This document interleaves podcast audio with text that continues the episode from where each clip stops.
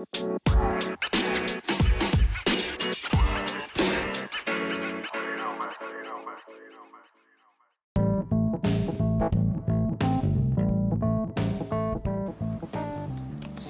datang di podcast Ajalah Podcast yang isinya video. Hmm?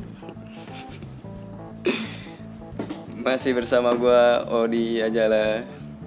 Dan ini adalah Ngebala episode 5 Ngebala, ngebahas bola-bola. Hari ini hari Jumat. Jumat adalah hari yang berkah Makanya gue bikin podcast ya nggak nyambung sih emang gak apa apa di episode kelima ini gue bakal ngebahas Liga Champions Eropa 2019-2020 yang baru aja memulai pekan perdananya pada minggu lalu. Ya, telat sih gue ngebahas Liga Champions. Ya nggak apa-apa lah. Karena minggu kemarin gue sibuk banget coy. Gila ini parah dah.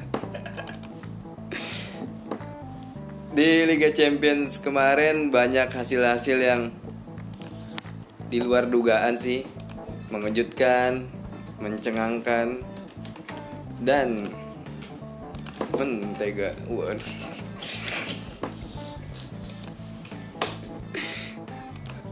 di hari pertama game week pertama Liga Champions Eropa dibuka dengan pertandingan Inter Milan lawan Slavia Praha. Di atas kertas udah jelas dong harusnya Inter Milan bisa menang mudah melawan Slavia Praha, tapi wow.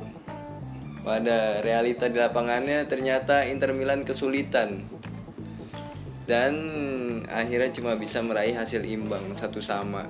Itu juga kebobolan duluan. Gokil nih Slavia Praha bisa ngegolin duluan. Di kandangnya Inter Milan lagi mainnya idih. Kalau gue lihat highlight pertandingannya juga kayaknya di babak pertama tuh Slavia Praha nguasain pertandingan banget gitu. Nggak tahu kenapa Inter Milan malah mainnya under pressure padahal main di kandang sendiri main dengan pemain-pemain baru dengan pelatih baru dengan jersey baru. Tapi nggak tahu kenapa ya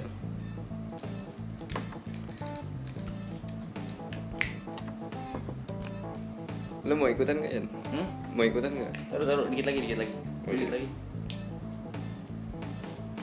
Iya sebenarnya gue nggak se- di sini nggak sendiri ada Ya. dua orang lagi di sini tapi lagi pada sibuk bekerja Kerja gila kerja sampai titik mau apa? balik lagi tadi bahas Inter Milan Inter Milan main di kandang sendiri lawan Slavia Praha cuma bisa dapat hasil imbang satu sama.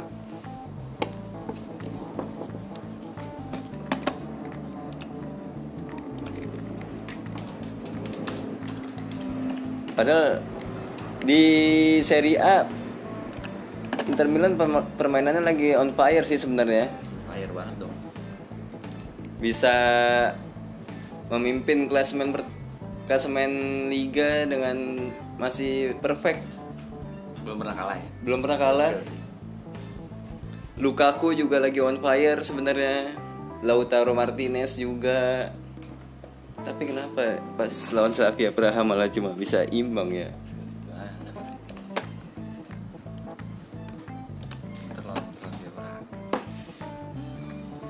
Hmm, Nicolo Barella ini baru masih? Nicolo Barella pemain baru juga Oh main baru. iya dan sekarang sudah bergabung bersama gua Hafian Ada gua, gua. Eh ini ntar dulu nih, ini lihat informasinya dong. Kita bahas Inter Milan lawan Slavia Praha dan kita lihat di susunan pem- pemain yang diturunkan Inter Milan nih. Pakai formasi 352, ciri khasnya Antonio Conte banget nih. Di belakang ada De Ambrosio, Stefan De Vrij sama Milan Skriniar. Solid sih sebenarnya. Ini semua bagus sih gimana? Iya di lini tengah juga Kandreva, Gal- Gagliardini, Brozovic, Stefano Sensi, Asamoah. Di depannya juga duet Lukaku sama Martinez. Aduh. Kok bisa kalah ya? Eh kok bisa seri ya? Udah gitu kegolan duluan lagi. Udah gitu yang ngejebolin apa Inter Milan tuh golnya dari pemain pengganti. Barelli kan? Eh, iya, eh, Inter. Milan juga baru bisa nyamain kedudukan di menit-menit akhir lewat pemain pengganti si Nicolo Barella. Itu juga kalau salah dari set piece apa dari ini corner kick apa? Kalau salah. Iya, bukan dari Set play itu kan? set play, bukan dari permainan hidup. Apa gitu maksudnya? Kalau kita lihat dari susunan pemain Slavia Praha, ini kalau gue sebutin lu semua pasti nggak bakal tahu dah. dari pencetak gol aja dah, ini kan? Ada yang tahu Olejinka nggak siapa? Nggak tahu kan? Nggak tahu dong. Kalau Olejinka ternyata dokter gigi juga kaget kan kalian? Bodo amat kan? Gak ada yang peduli juga. iya. Pelatihnya nih, pelatih Slavia Praha siapa nih? Tuh, sulit banget namanya disebutin. Lipisovski. Tripisovski. Ini juga bagus bagus loh. Tuh, di susunan perma- di susunan pemainnya bagus, di cadangannya juga bagus banget di Inter Milan. Di bangku cadangan ada Diego Godin, ada Alexis Sanchez, ada Matias Vecino, Matteo Politano, Valentino Rossi, Ya, bukan dong. Valentino Lazaro, Lazaro. Nicolo Barella sama Daniel Par Padelli. Daniel Padelli. Balik lagi ke mental sih kalau kata gue. Kayaknya ya. Iya. Karena musim ini juga musim pertama Inter main lagi di Liga Champions Nah, setelah berabad-abad kaget gitu ya dia, kaget main lagi. berabad-abad tidak pernah main di Liga Liga Champions. Kayaknya terakhir kali Inter Milan tuh 2010 ya? Hah? Emangnya? Eh enggak deng. Enggak deh. Enggak yang paling diinget tuh terakhir kali 2010. Iya, yang masih ada. Juara Liga Champions sama treble winner. Belum winner. Juara Serie A sama juara Coppa Italia. Itu. Kayak udah sih itu treble winner terakhir Inter Milan. Terus di pertandingan lain juga ada yang wow sekali. Ah, betul.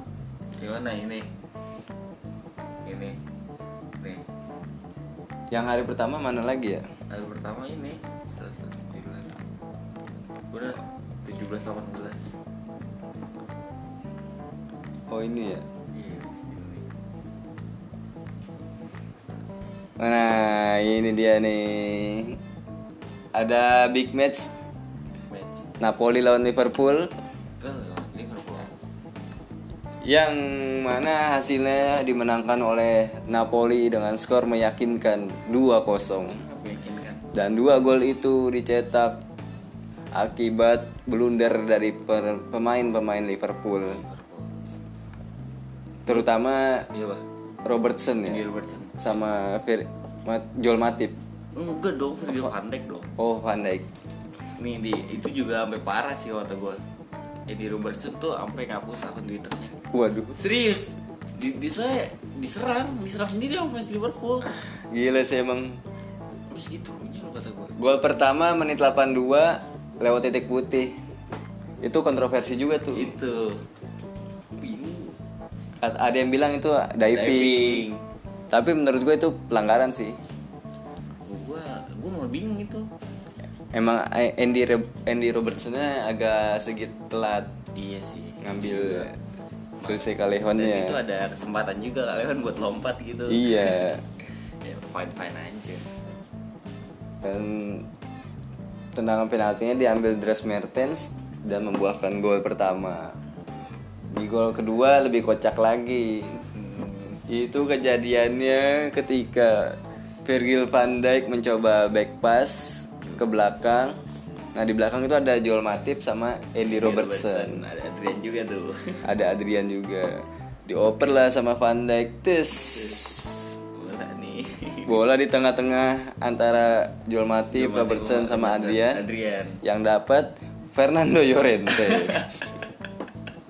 Tiga pemain Liverpool saling nunggu-nunggu. akhirnya diserobot sama Llorente dan akhirnya berbuah gol ragu sih ragu semuanya itu gitu-gitu semua Padahal secara statistik pertandingan Liverpool unggul loh.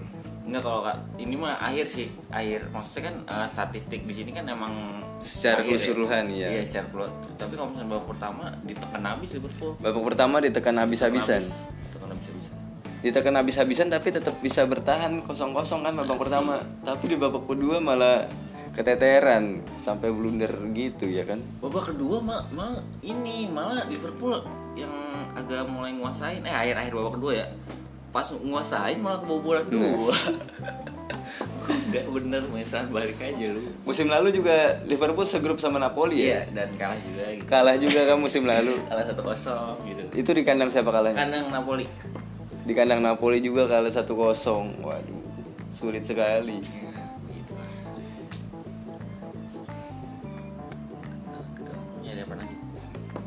Lanjut ke pertandingan berikutnya. Lu mau lihat susunan main dulu nih Oh iya nih susunan pemainnya. Anjir, ini ada gue tuh nonton ini dan gue sangat amat terkesima gitu nih Dua-duanya nurunin starting line up terbaiknya ya kan? terbaik eh Liverpool oh iya terbaik eh enggak Liverpool malah bobrok anjing Bobrok. Tapi iya ini gimana ceritanya ini gelandang-gelandang lambat ini terbaik sih menurut gua. enggak pakai Klopp gue udah tahu pakai Klopp itu eh Winaldum Oh iya, Wijnaldum kenapa nggak main emang? entah nyimpen nyimpen non Chelsea apa gimana gitu. Apalagi cuti. bisa ngambil cuti kali dia. Pakai Klopp gue tahu sih anjir.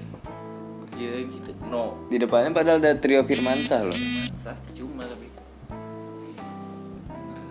Tidak bisa berkutik melawan barisan back Napoli yang terdiri dari Di Lorenzo, Kostas Manolas, Kalido Kolibali dan Mario Rui. sumpah di gue ngeliat kalau di Bali ngeri banget di Bali Kalau di Bali badannya gede banget, cuy. ngeri bro Serem banget. salah dikunci mulu bro salah dikunci aja sumpah udah gitu Firmino kan biasanya kan jemput Iya. bola ya ini di aman dua orang ini bener-bener di ikat mulu dipotong mulu gitu kan. Kalau di Bali tuh emang back paling serem sih menurut gua. serem bener gue gue gue apa kayak orang-orang tuh ngomongin kalau di Bali gini-gini bagus-bagusin gue nggak percaya nih gue gue taunya ya kayak Van Dijk doang gue ber eh Van Dijk sama Delight kan gue baru tahu kalau di Bali serem banget Serem banget. Mirip Okajon. oh iya Iya. iya nih mitra kukar ya iya, tapi Okajon kocak mainnya. anjir sumpah serem banget cuy mainnya cuy Badannya keker, kulit hitam, nggak ada yang bisa lewatin loh sumpah kayak kuncen gunung Everest. Anjir serem banget itu Lini tengah Napoli juga lagi solid-solidnya nih. Lorenzo Insigne, Fabian Ruiz, Alan sama Jose Callejon. oh ini eh, gue ini eh, kalau kalau nggak salah dibahas di Sky Sport apa di ESPN gitu ini jadi ntar tiga empat tiga ini Oh, kalau udah main formasinya jadi iya 3-4-3. gitu apa eh, pokoknya lawan apa straight apa minusnya kelemahan Liverpool tuh kalau misalnya udah lawan tiga empat tiga 3-4-3 yang maju siapa nih? Callejon apa Insigne? Insigne sih. intinya Iya. jadi jadi tiga set. ini empat nih Mario Rui maju nih eh ini pokoknya dua ini ini nah satu mundur nih Iya. lu mau tau nggak City City sampai pakai tiga back lu sumpah karena emang kelemahan Liverpool lawan tiga back gue bingung malah nggak bisa soalnya apa musuh-musuh tahu gelandangnya Liverpool tuh nggak kuat makanya ditekenin di gelandang Iya, Liverpool nggak punya satu playmaker yang kuat sih. ada kemarin gue ngeliat malah Fabinho doang yang main sumpah loh apa-apaan kata gue Di sini juga menarik nih Napoli mainin pemain barunya Hirving Iya. Lozano. Irving Lozano. tapi kemarin nggak terlalu kelihatan belum belum nyetel Belum kali ya nyetel mungkin di Liga Champions. Kalau di Serie A udah nyetak gol dia kan. Oh iya, kemarin. gokil. Pemain paling cepet di Dream League Soccer. Liverpool tapi belum mainin pemain barunya nih. ah, emang ada. Ya cuma Adrian doang dimainin. Ada yang juga free dong. Liverpool Liverpool kan musim ini beli pemain-pemain bintang. Harvey Elliott, Sepp Van Berg, siapa lagi? Adrian. Adrian. Bintang sekali. Ke mana Harvey Elliott tidak dimainin? Tidak mainin. untuk Carabao Cup di bangku cadangan sebenarnya ada nama-nama yang bisa dicoba sih ya, kayak Oxlade Chamberlain sebenarnya bisa Harusnya. dicoba malah gue lebih serak Oxlade daripada Henderson iya malah gue bingungnya gue sumpah gue dia eh kok nggak ada Origi ya gue ngeh loh Origi kan lagi ini ngambil kursus gue pantes. ngejahit. Gue gue mau nungguinnya menit berapa ya? Menit eh, pas udah kejebolan apa udah kejebolan satu tuh gue nungguinnya nungguin masukin Origi lah yang ibaratnya lak apa itu keberuntungannya tuh iya. bagus gitu. Malah masukin Sakiri gue bingung. Di bangku cadangan Napoli juga ada nama-nama yang menarik nih Fernando Llorente Elif Elmas Piotr Zelinski Ospina Fauzi Gulam sama Arkadius Milik. Dan pelatih Napoli Carleto tepat sekali dalam memasukkan pemain. Llorente dimasukin dan akhirnya mencetak gol. Dan Llorente dengan gol ini Llorente menjadi pemain yang berhasil mencetak gol di Liga Champions lewat 5 klub berbeda. Lima klub berbeda. Sangat sangat sama Tottenham, City juga pernah ya? Mau nggak pernah? Sevilla, oh iya Sevilla. Sevilla Valencia. Napoli. Napoli. Empat. Ya satu lagi cari sendiri lah. kalau searching gitu. Iya. Kita lanjut lagi ke pertandingan yang lain. Nah, pertandingan selanjutnya ini ada Di hari pertama juga, waduh, bagaimana di klub kesayangan gua. Klub kesayangannya. Chelsea yang main di kandang Ganda melawan Valencia. Lawan Valencia. Menguasai pertandingan. Selesai pertandingan. Kalah. tapi di sini cukup gila di kalau gue lihat statistik ini karena dia tuh sampai uh, 22 shoot iya, kok bisa gitu emang secara pertandingan nguasain banget. Dan sayangnya Mason Mount pemain muda ya potensial harus ditarik keluar Waduh, di menit juga 15. sih, anjir. Itu parah gila sih di tackle-nya sampai cedera ham eh hamstring. apa sih itu ankle Ankle cedera ankle-nya kena. gokelin ya Iya, ngeselin dia tuh ada dendam dari bawah Arsenal kayaknya gitu. sih. Waktu di Arsenal kan dia digocek-gocek sampai jatuh oh iya oh iya ya Tapi pembalasannya nggak ke Mason Mount juga dong. Mason dong. Untung cederanya nggak parah. Mason Mount diganti Barkley, Barkley kocak men. oh, Barkley ingetin ya? Iya, nggak kan ada Pedro William ada siapa lagi? Kovacic, itu nah iya. Coba deh Pedro di bangku cadangan harusnya Pulisic Oh sih yang iya, main. Pulisic, cuy. iya, Pulisic kan dimainin. kenapa ya Malah masukin Barkley yang kocak.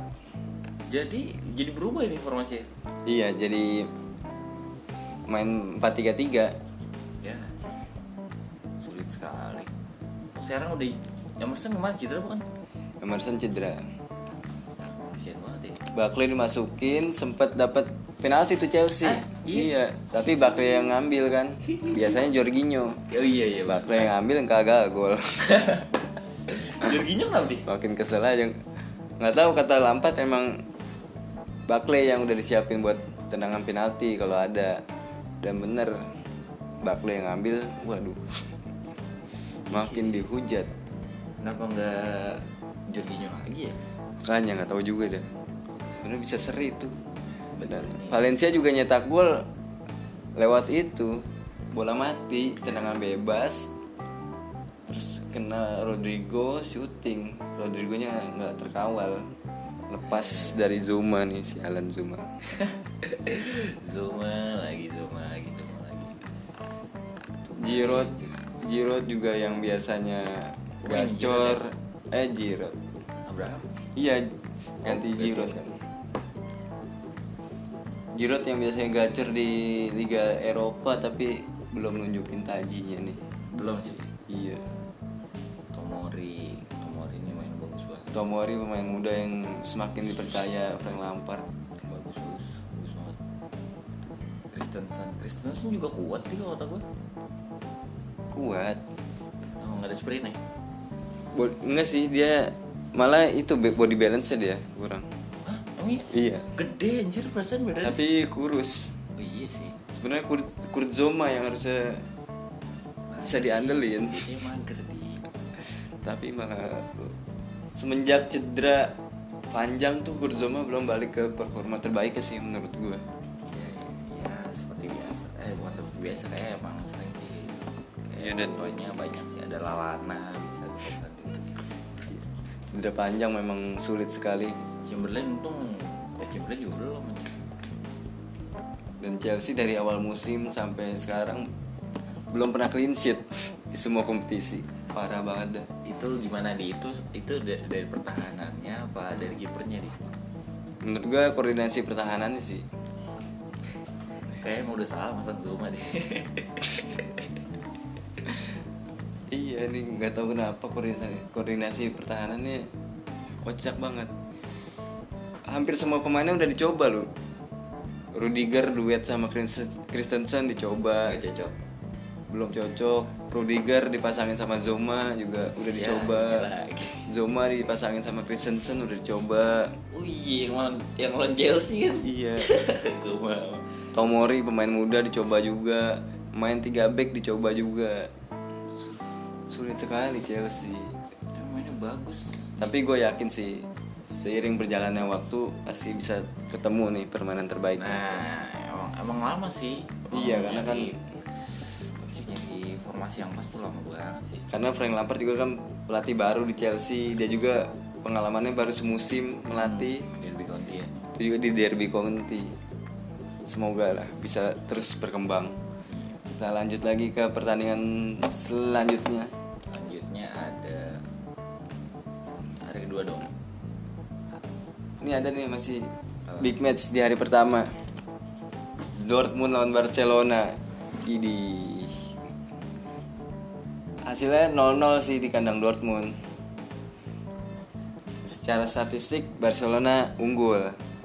Tapi pas dilihat sepanjang pertandingan Dortmund lebih banyak menghasilkan peluang. Dan man of the match pada pertandingan ini adalah Mark Andre Ter Stegen karena dia berhasil melakukan banyak save save penting dan yang paling penting dia berhasil menggagalkan penalti Te- Reus Oh, Reus. iya. Aduh. Bagus tuh semua. pertandingannya berjalan ketat sih emang dan di pertandingan ini juga Lionel Messi comeback setelah cedera. Masuk di babak kedua ngegantiin Ansu Fati pemain muda yang lagi on fire. Tapi Messi belum bisa mengubah keadaan. Enggak, enggak tahu kenapa sih. Eh, ini kayaknya. Apa Cina Iduna Park tuh apa fansnya ngeri di? Ngeri banget sih emang atmosfernya. Atmosfernya ngeri. Gila gila mental pemain bisa ini seduh sekelas Messi aja deh. Salah satu atmosfer stadion yang paling mengerikan di Eropa sih. Kalau kata gue ter ini eh terbaik kedua bisa dibilang. Yang lebih parah tuh Galatasaray udah. Iya. Udah bener-bener neraka itu. Di sini ya Dortmund nih mainin formasi 4-2-3-1 di. Iya ini formasi terbaiknya Dortmund sih ini Araf Hakimi dari Madrid tuh iya. Oh, iya. Hakimi di Dortmund tuh nyetel banget dia. Wah, anjir. ini Akanji. Akanji. Ini eh, dengan defend midfield with selama Delani Delani nggak usah kan ini deh. Delani bukannya di Wolf Wolverhampton kan? Buat renang ini kan. Buat dulu apa? Udah lama anjir Thomas Delany pemain berkebangsaan Denmark.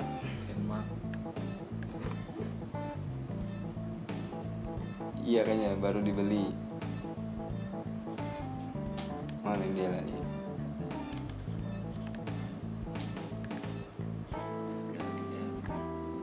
bukan deh bukan dari Wolf ya Dari Denmark kayak Nah kita lihat Delani ini nggak keseluruhan.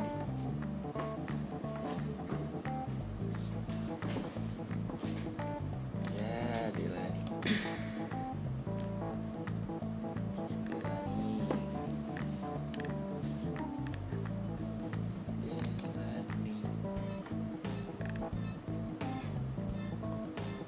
Oh, lalu ya? Iya Dari Werder Bremen- Oh, ada.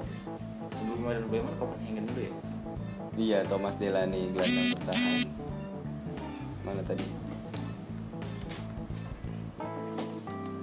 Duet sama Axel Witsel di Dortmund Emang udah pakai Dortmund ya? Iya di lini serangnya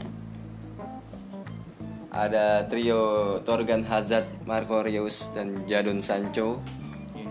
untuk menopang Paco Alcacer yang sangat gacor Gacer Dortmund ya? tapi melawan klub mantan klubnya Barcelona Alcacer sempet nyiptain banyak peluang tapi belum berhasil mencetak gol emang pasti ada semangat yang menggebu-gebu untuk menunjukkan ke mantan Dan ini. Oh ini mainin Julian Brand juga ya? iya Julian Brand nama masuk sebagai pengganti Julian Brand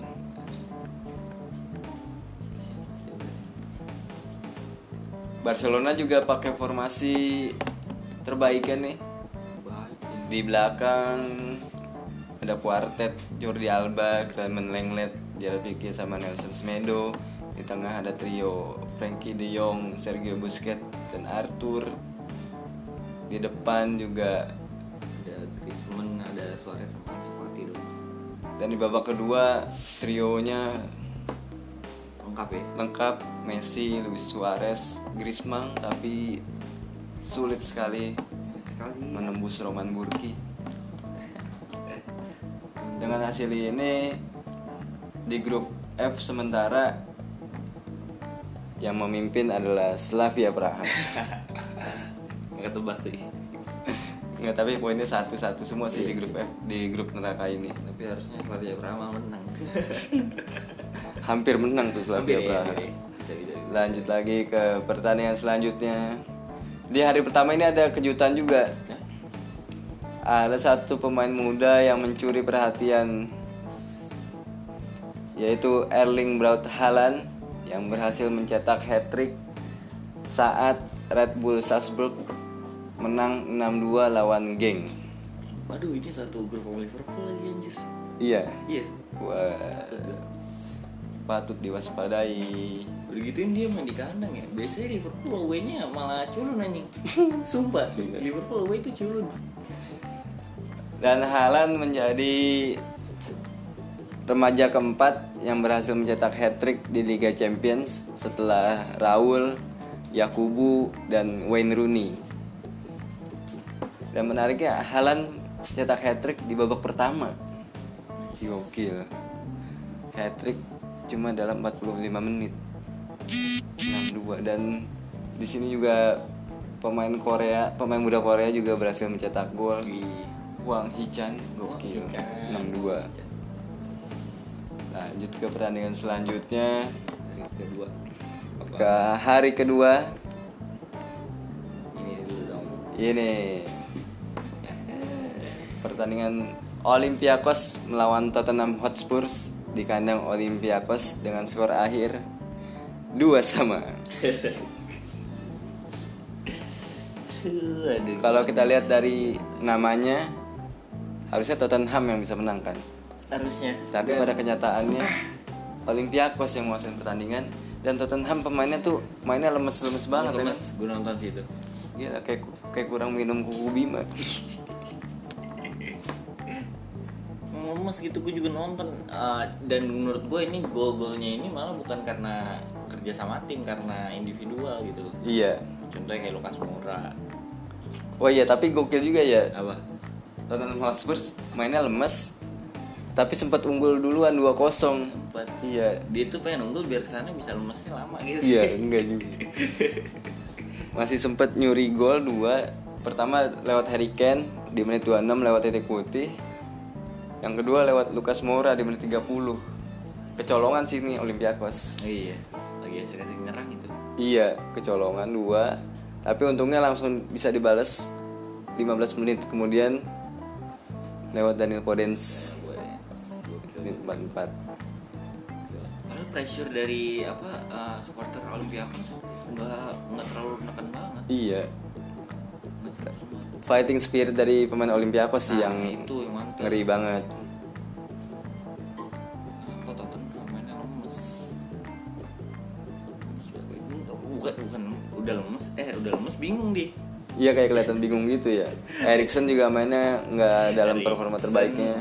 Dele Ali. Dele Alli lebih kocak. Aduh, gimana sih? Kayak kagak tahu mau ke mana Nah, mainnya. iya. Dan itu kan gelandang dua ibaratnya mau apa ke mana-mana ya. Iya. Dan dia ada di satu tempat. Nah itu. kan harusnya bisa loh. Kalah sama pemain Olympiakos nih Matthew Valbuena. Ih, Menurut gue Valbuena nih man of the match di pertandingan ini. Sangat-sangat. Pergerakannya cukup merepotkan bek kanan Tottenham Sergio Aurier. Sergio, eh bukan dong. Aurier bek kanannya waktu itu. Enggak coy, Sanchez coy dijadiin bek kanan. Oh iya, Davinson Davinson Sanchez. Itu juga ngot nih, kita lihat sekarang susunan main. Ini udah masuk akal. Nih susunan pemain Tottenham Hotspurs. Davinson Sanchez yang sebenarnya dia back tengah, Back tengah. tapi dimainin di back kanan. Lo, ini ada ini ada bek kanan, ini ada bek kanan. Sebenarnya ada pemain yang posisi aslinya back kanan yaitu Kyle Walker Peters, ya. tapi Pochettino lebih memilih Davinson Sanchez yang jadi back kanan dan hasilnya Davinson Sanchez diacak-acak sama Valbuena. Iya, dan itu kan apa harusnya kan overlap overlap. Nah, kalau dia mau nunggu di Iya, Jadi yang tengah nih udah pengen ngasih ke kanan dia belum overlap anjir. Sanchez nggak berani overlap Berani bro. Dia bisa. dan nggak punya kecepatan juga sih emang. Iya. Jadi Lucas Moura yang ada di kanan juga agak ke- kesulitan gitu. Lukas Moura aja sampai ke tengah buat ngambil bola. Yang Iya. gol itu kan di dari sini. Oh iya, Lucas Moura dari tengah golnya. Iya, Dombele juga bingung mainnya. Akhirnya digantiin si Soko kan. Terus mantap kan Dombele tuh. Nobelnya juga mainnya nggak di performa terbaiknya sih. Kocak lah. Padahal di Olympiakos cuma ada satu nama doang ya gue kenal Valbuena. Eh sama ini nih Guerrero. Guerrero. Kayaknya ini striker Peru dah. Oh, iya. Oh, Guerrero, iya. Bukan. Bagus. Spanyol dia. Bukan Paulo Guerrero yang kita maksud ternyata.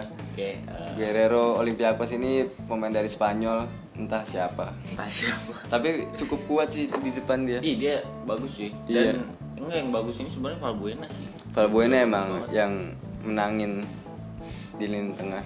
Sebenarnya Olympiakos bisa menang sih. Harusnya malah. Iya, tapi karena emang secara kualitas keseluruhan timnya di bawah Tottenham jadi cuma bisa imbang dua sama. Udah sama. Ya udah syukur. Enggak sih kalau kata gue harus menang Selanjutnya yang paling ini dulu nih, Oh itu dulu. Ya, yang paling ya biasa saja, emang seharusnya begitu. no, ya ketebak lah emang gitu. Bayern Munchen menang 3-0 lawan Red Star Belgrade di kandang sendiri. Lu lihat lu lihat possession ballnya deh. Possession ball-nya 73% berbanding 27%. Waduh. Dan lu lihat ini 7 kosong. Aduh, gokil banget.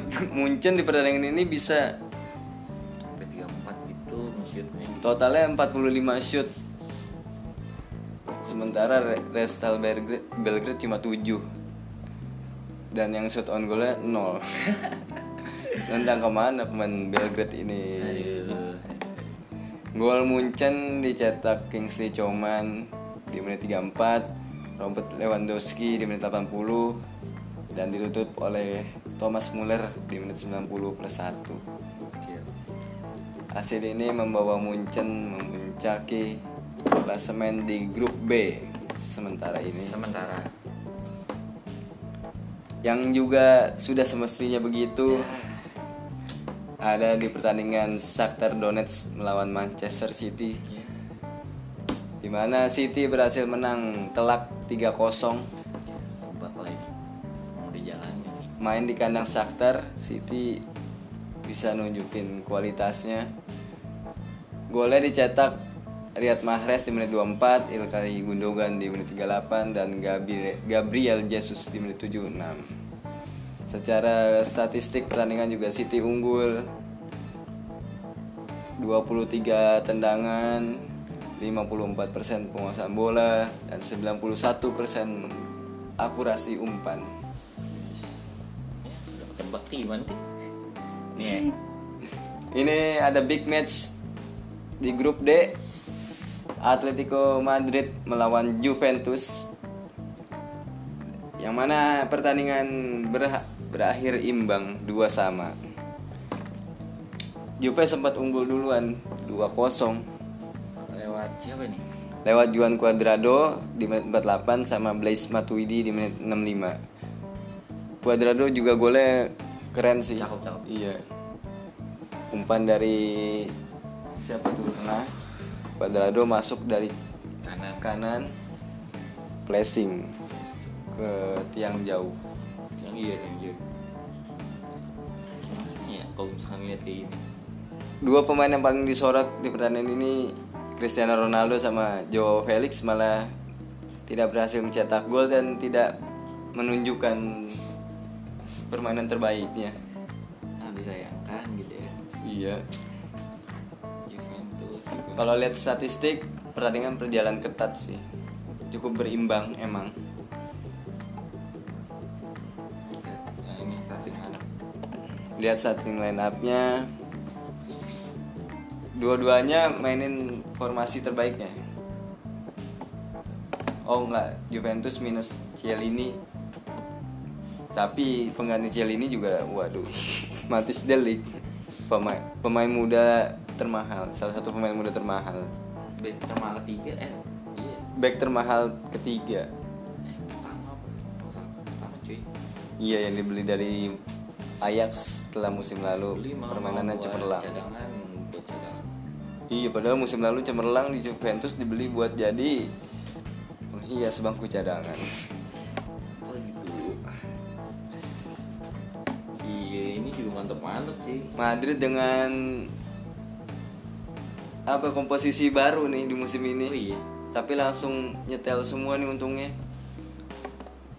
Trippier sama Lodi kan pemain baru dulu. baru ya Iya. Lodi malah gue baru tahu Stefan Savic sama Gimenez juga duet baru nih. Biasanya kan Gimenez sama Godin. Godin Nah, Godin pindah ke Inter, sekarang Savic duet sama Gimenez. Cukup solid. ini di tengahnya kayak ada yang baru ya semenjak eh, ditinggal sama Rodrigo Iya, sepeninggalan Rodrigo lini tengahnya diisi sama Thomas Partey. Marcos Llorente nggak main-main nih gue ceritanya Kan emang cadangan dia. Kayak cadangan Iya. Marcos Llorente Angel Korea Di depan Atletico Madrid mainin formasi 4-4-2 dengan du- di depan duanya itu Joao Felix sama Diego Costa. Yang satu masih muda, yang satu masih muda sebenarnya tapi kelihatan tua. Iya Umurnya baru 28 Diego Costa. Waduh. Tapi kelihatan kayak 45. Kalau di akun Flashball dijulukin si Babyface. Sangat Dewi Face Sangat babyface. Nih coba lihat Juventus deh Juventus main dengan 4-3-3. Trio di depannya tuh Cristiano Ronaldo, Gonzalo Higuain sama Juan Cuadrado. Kenapa Higuain yang dipilih ya? Oh itu itu juga gue masih heran deh Eh nggak ada Mandzukic ya Mungkin Manjukit masih cedera kali ya. Sebenarnya Dybala bisa sih mainin. Bisa Dybala taruh di sayap, Ronaldo taruh Ronaldo- tengah. Iya Ronaldo taruh tengah Kenapa milih kayak Higuain? kayak di Portugal aja Ronaldo kan yang jadi Iya. juga orang worth it kan Di lini tengahnya trio Blaise Matuidi, Miralem Pjanic, sama Kedira. Kalau tengahnya sih ini pakem tahun lalu udah nggak usah iya. Lini tengah Juventus tuh salah satu yang paling solid sih. dan paling dalam kedalaman skuadnya. ini udah bukan tengah doang semuanya di Nih tengah tengahnya Juventus kalau diganti masih ada ini nih. Rabiot, Ramsi masih ada kan masih ada Emre Can juga sebenarnya. oh iya Tapi Emre Can nggak masuk skuad Liga Champions. marah-marah dia ya, jelas banget. Aduh aduh. Bahkan ini striker depannya juga masih bisa digantiin di Striker depannya juga pelapisnya ya ampun. Ada Mario Mandzukic, Paulo Dybala, Lucas Fre- Moura. Lucas Diego Costa, Douglas Costa, oh iya Douglas Douglas Costa. Sama Federico Bernardeschi, tujuh. Kiper. Kiper tiga kiper Kalau Sesni nggak main ada Buffon kan. Buffon. Kalau Buffon nggak bisa ada Perin. Lebarin dia gimana ya kalau kata gue ya agak kebangetan kalau nggak juara sih Iya, beda sama Atletico Madrid nih di kipernya. oblak Oblak diandelin banget. Kalau Oblak cedera gantinya siapa? Adan Adan. Adan bisa penalti doang Adan siapa yang kenal Adan? Adan bisa penalti doang cuy Kita tahu Adan kalau sudah memasuki waktu sholat Iya, betul sekali. Adan, azan iya Eh, lemar eh, masih ada Korea nggak terlalu nyum eh masih ada Morata kalau nggak salah ya? Iya di lini tengah ya? Atletico Madrid masih ada Hah? lini tengah Eh lini depan Morata Morata Morata gimana dong Lanjut lagi ke pertandingan Super Big Match. Big match ini? Kalau lihat nama-namanya sih Big Match. Di grup A antara PSG melawan Madrid di kandang PSG Mau tahu berapa skor akhirnya atau udah tahu? Iya benar, skor akhirnya 3-0 tiga kosong. untuk kemenangan PSG. Dan pemain yang menjadi man of the match pada pertandingan kali ini adalah Angel Di Maria karena dia berhasil mencetak dua gol dan satu kipas kipas umpan kunci untuk gol ketiga. Di Maria berhasil mencetak gol di menit 14 dan 33. Kemudian berhasil terlibat lagi di gol ketiga di menit 91 lewat gol yang dicetak Thomas Munier. Gol ketiga paling kocak sih. Jadi itu posisinya tuh abis corner kick di PSG iya. Terus PSG serangan balik. Lewat tiga pemain tuh Di Maria, Thomas Munier sama Juan Bernat. Set. Di Maria umpan ke Munier. Munier bawa Munier sama Bernat tuh akhirnya maju dua Set Dua lawan dua sama Beckham Madrid Kalau nggak salah Eder Militao sama Varane dah. oh iya Tapi yang menang Munier sama Bernat Diacak-acak tuh bingungan ya milih tahu ya Iya, ada satu tuh pemain Madrid baju kuning, nggak tahu ngapain dah. oh itu pemain Madrid tuh bang Kayaknya sih. Kira wasit Iya, bajunya beda sendiri sih kuning. Yang lain kan baju Iya, oh iya. dongker. Dengan main dong Secara statistik emang PSG unggul.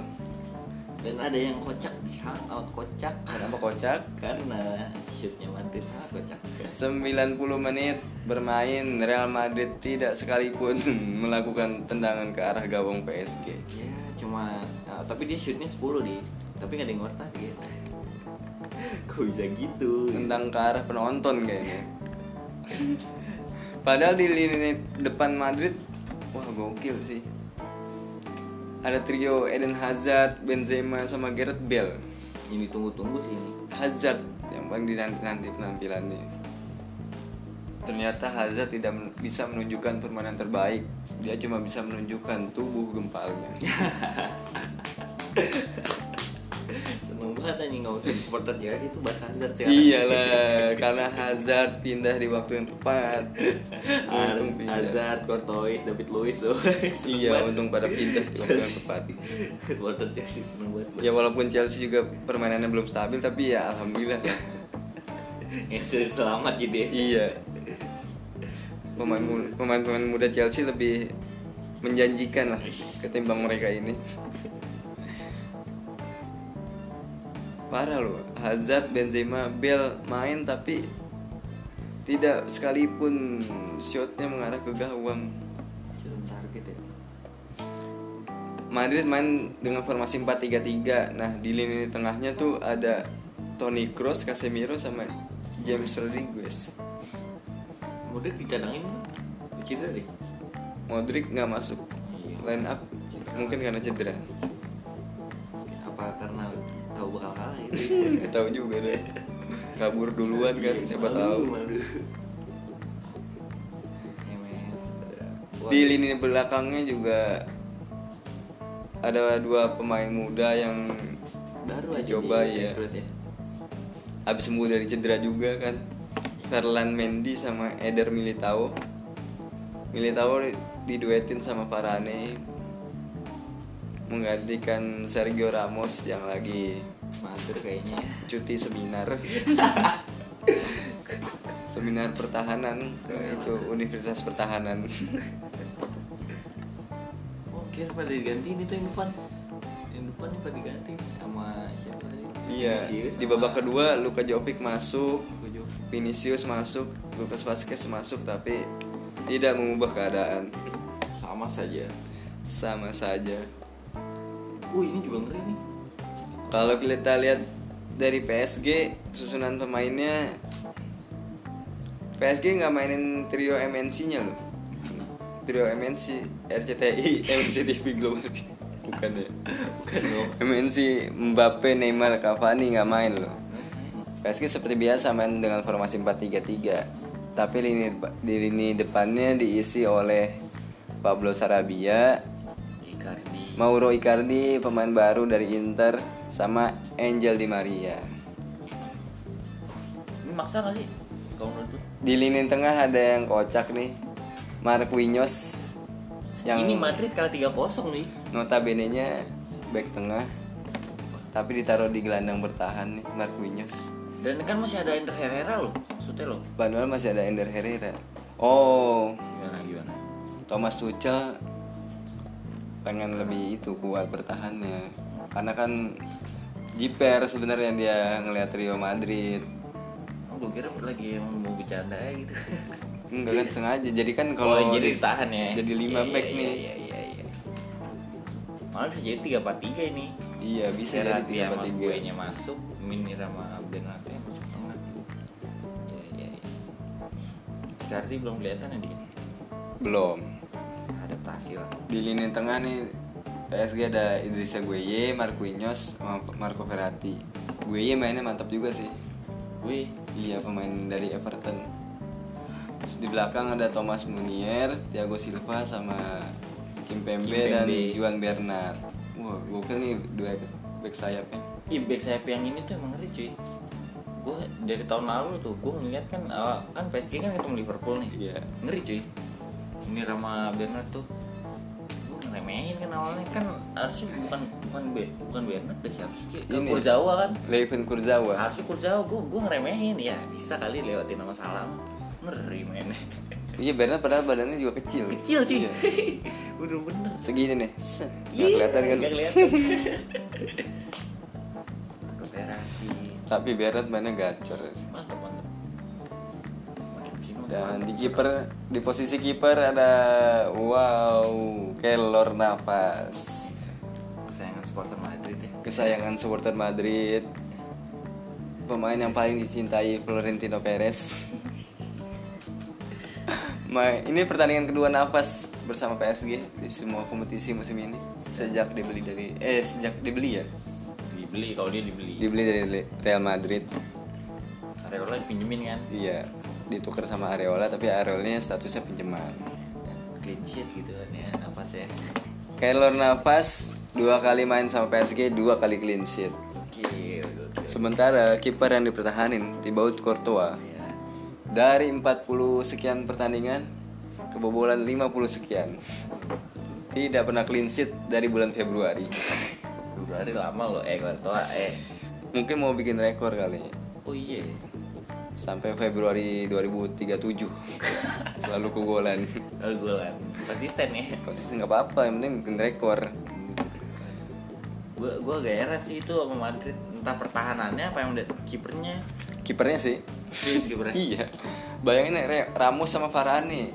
Harusnya kan itu mantep dong. Solid harusnya. Solid dong. Iya. Kanan Carvajal, kiri bisa Mendy atau Marcelo. Berarti kipernya ya. Aduh, Courtois menang badan gede doang. Iya kayak menang tinggi doang. Kalau gitu jadi main basket aja. Iya. Kalau nggak jadi main poli no. Nah iya. Main poli UPN. UPN jago no polinya. Gabung aja sono. Aduh, aduh. Sangat anjir. Gak bingung gue entah emang apa lagi nyari-nyari strategi gitu kan. Iya. Berarti nyari mulu dah. Tapi emang beli banyak juga sih jadi butuh adaptasi kan. Dan pemain yang dibeli juga kebanyakan habis pada cedera kan. Wah habis pada eh iya sih. iya.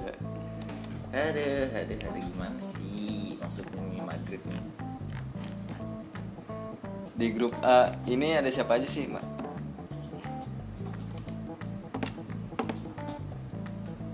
Oh sama ini ya apa? Sama ini nih. Bukan, salah. Ini kita Chelsea. Bukan. Ah ini dia. Eh, sama ini. Iya. Oh di grup A PSG Madrid segrup sama klub Brugge sama Galatasaray. Galatasaray. Gokil. Perang tiga ya? Hah? Perang tiga. Ini klub ini minyolet di berarti. Coba dulu lihat deh. Oh iya. Oh iya. Minyolet bro. Klub Brugge diperkuat oleh Mignolet. Mignolet. Ya. Oke ya clean sheet. Terus itu mau gue gedek banget kan. Dengan hasil imbang klub Brugge melawan Galatasaray ini otomatis Real Madrid berada di dasar klasemen grup A. Minus 3 gol. Minus 3 gol. Kok bisa gitu? Punya punya apa gitu. Yang cukup menarik sih pertandingan pekan pertama Liga Champions musim ini ya kan. Banyak kejutan-kejutan terjadi, banyak yang di luar prediksi Ada, iya. ada yang tertebak. Eh, Ada pemain yang bersinar juga, Itu. ada yang pemain yang diprediksi bersinar tapi ternyata tidak. Ada yang bersinar padahal tidak diomong-omongin. Dan dua gue memilih dua pemain yang paling bersinar di pekan pertama Liga Champions musim ini. Yang pertama ada Angel Di Maria tentunya. Dan yang kedua Erling Haaland, pemain Salzburg. Kita bahas dari Di Maria dulu. Di Maria berhasil mencetak dua gol lawan mantan klubnya dan bukan cuma dua gol sih tadi seperti yang gue tadi bilang dia juga terlibat di gol ketiga PSG iya jadi tiga gol PSG ke gawang Real Madrid semuanya gara-gara Di Maria selebrasi emosional banget ya. selebrasinya emosional banget Di Maria emang sombong kayak gitu sih. mampus lu nih lihat gua mana pemain-pemain yang lu beli no Iya. Aduh, aduh. Kayak, kayak apa pemain-pemain PSG kayak ini deh. Kayak udah nggak udah nggak tahu lagi. dan Di Maria Umurnya berapa dia? Di- Di Maria tahun ini berusia 31 tahun dan dua gol ke gawang Real Madrid adalah gol kelimanya di musim ini bersama PSG. Wih, gokil. Dari 9 pertandingan ya. Iya. Dan absennya trio MNC menjadi berkah buat dia ya. Dia jadi lebih sering main, lebih sering jadi pilihan utama. Dari dulu emang kayak gitu kan PSG Kenapa? apa kalau uh, trio MNC itu kalau misalkan ada satu yang absen pasti di Maria kan Iya. gitu. Dan Di Maria selalu membuktikan dengan hasil yang positif. tapi klausul transfernya coba naik gitu oh dari Madrid Madrid uh tinggi tuh ini tuh Kalau dilihat dari klausul nilai transfer Di Maria sejak dari Real Madrid mengalami peningkatan se- sampai dia ke MU. Wah ternyata di MU malah flop. Padahal di MU tuh harganya mahal tuh iya, naik banget tuh transfer market diasuh sama Luis Van Gaal malah aduh kocak mainnya. Harganya turun lagi kan set untung langsung buru-buru pindah tuh pindah ke PSG dan terselamatkan karir di PSG. Selamatkan. Iya. sangat terselamatkan Walaupun tetap nggak jadi pilihan utama sih. ya tapi setidaknya di Iya, setidaknya dia bisa kembali ke performa terbaiknya lah. Selanjutnya Erling Erling Haaland pemain muda berusia 19 tahun berkebangsaan Norwegia Norwegia yang berhasil mencetak hat-trick di pertandingan pertama Liga Champions musim ini hanya dalam waktu 45 menit. Gokil. Gol pertamanya dicetak di menit kedua, gol kedua di menit 34 dan gol ketiga di menit 45. wow wow Dia menjadi pemain keempat, pemain pemain termuda keempat yang berhasil mencetak hat-trick di Liga Champions. Dan hat-tricknya ini membuat dia sudah mencetak 17 gol dari 9 pertandingan di semua kompetisi di musim ini. Nggak masuk akal kan? Sebenarnya Erling Haaland bukan cuma sekali ini doang bikin suatu hal yang nggak masuk akal. Di Piala Dunia U20 kemarin juga Erling Haaland sempat menciptakan hal yang nggak masuk akal lainnya. apa tuh Dia berhasil mencetak 9 gol selama perhelatan Piala Dunia U20. Dan 9 gol itu dicetak dalam satu pertandingan. Tepatnya pada pertandingan Norwe- Norwegia melawan Honduras. Sulit sekali kenapa bisa sampai 9 gol Di pertandingan itu Norwegia menang 12-0 lawan 12-0. Honduras. Sembilannya dari Erling Haaland. tapi Erling Haaland nih emang apa tipikal-tipikal striker fighter deh kalau kata gue deh Iya, tinggi badan 191. Sama kayak Costa sih bisa dibilang Iya, rambutnya pirang. Eh nggak ngaruh rambutnya. Kelahiran 2000 loh, anjir. badannya gede banget kan Badannya gede banget. Gue tahun 98 segini badan gue. Keker banget ya kan. Kayak ini Agung Hercules albino. dan karena dia kemarin bagus tuh udah langsung dilirik di Pastinya seperti biasa kalau ada pemain muda yang mainnya bagus, wah klub-klub besar langsung jelalatan tuh matanya. Ini kalau dilihat ada tiga klub teratas yang paling gencar ngedeketin Haaland. Pertama MU, Juventus dan Borussia Dortmund. Kalau menurut gue sih Dortmund yang paling cocok dapetin deh. dan paling tepat memang ke Dortmund harusnya. Karena di Dortmund banyak pemain-pemain muda juga kan. iya betul Jadi bisalah mereka berkembang bersama. Haaland juga lebih mudah mungkin adaptasinya ya kan. sama anak milenial Iya. Tapi kalau dilihat dari faktanya kayaknya MU nih yang terdepan. Karena ternyata pelatih MU Ole Gunnar Solskjaer pernah ngelatih Haaland waktu di Molde. mau deh Iya. Molde Butter Cookies. Bukan itu Molde. Molde klub Norwegia, klub terbesar di Norwegia. Jadi secara psikologis mungkin Haaland dan Solskjaer lebih dekat lah. Jadi mungkin lebih mudah secara negosiasi nih. Wah, tapi janganlah ke MU. jangan. Nanti takutnya kan jadiin back. Kayak yang udah-udah. Udah udah sih gitu ya dia. Striker badannya keker tinggi. Lukaku kan kemarin jadiin back. Iya. Atau malah bisa jadi lebih parah ya kan? Cuma jadiin pemain piano. Aduh gitu. Yang udah udah gitu juga sih dia. Iya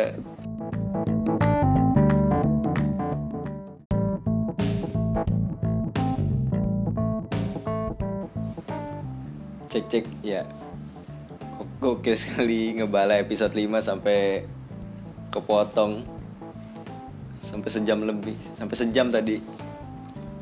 Tadi kita sampai bahas Erling Haaland. Pokoknya Erling Haaland jangan ke MU lah. Kalau mau pindah gue saranin ke Dortmund atau ke Juventus juga nggak apa-apa lah. Pokoknya jangan ke MU karena gue gue bukannya ngejelekin MU sih tapi emang gak usah ke MU lah pokoknya. Kayaknya segitu aja ngebala episode 5 kali ini. Tadi udah bahas hasil-hasil pertandingan di pekan pertama Liga Champions Eropa musim 2019-2020 banyak pertandingan yang mengejutkan, mencengangkan dan mentega gitu. Dan kita juga udah nyebutin dan gue juga udah nyebutin dua pemain paling bersinar di pekan pertama Liga Champions musim ini menurut gue. Yang pertama tadi Angel Di Maria dan yang kedua adalah Erling Haaland. Segitu aja dulu ngebala episode 5 kali ini. Semoga ada yang mendengarkan sampai selesai. Terima kasih buat yang mendengarkan. Sampai jumpa lagi di ngebala episode selanjutnya. Ngebala, ngebahas bola-bola. Iya. Yeah.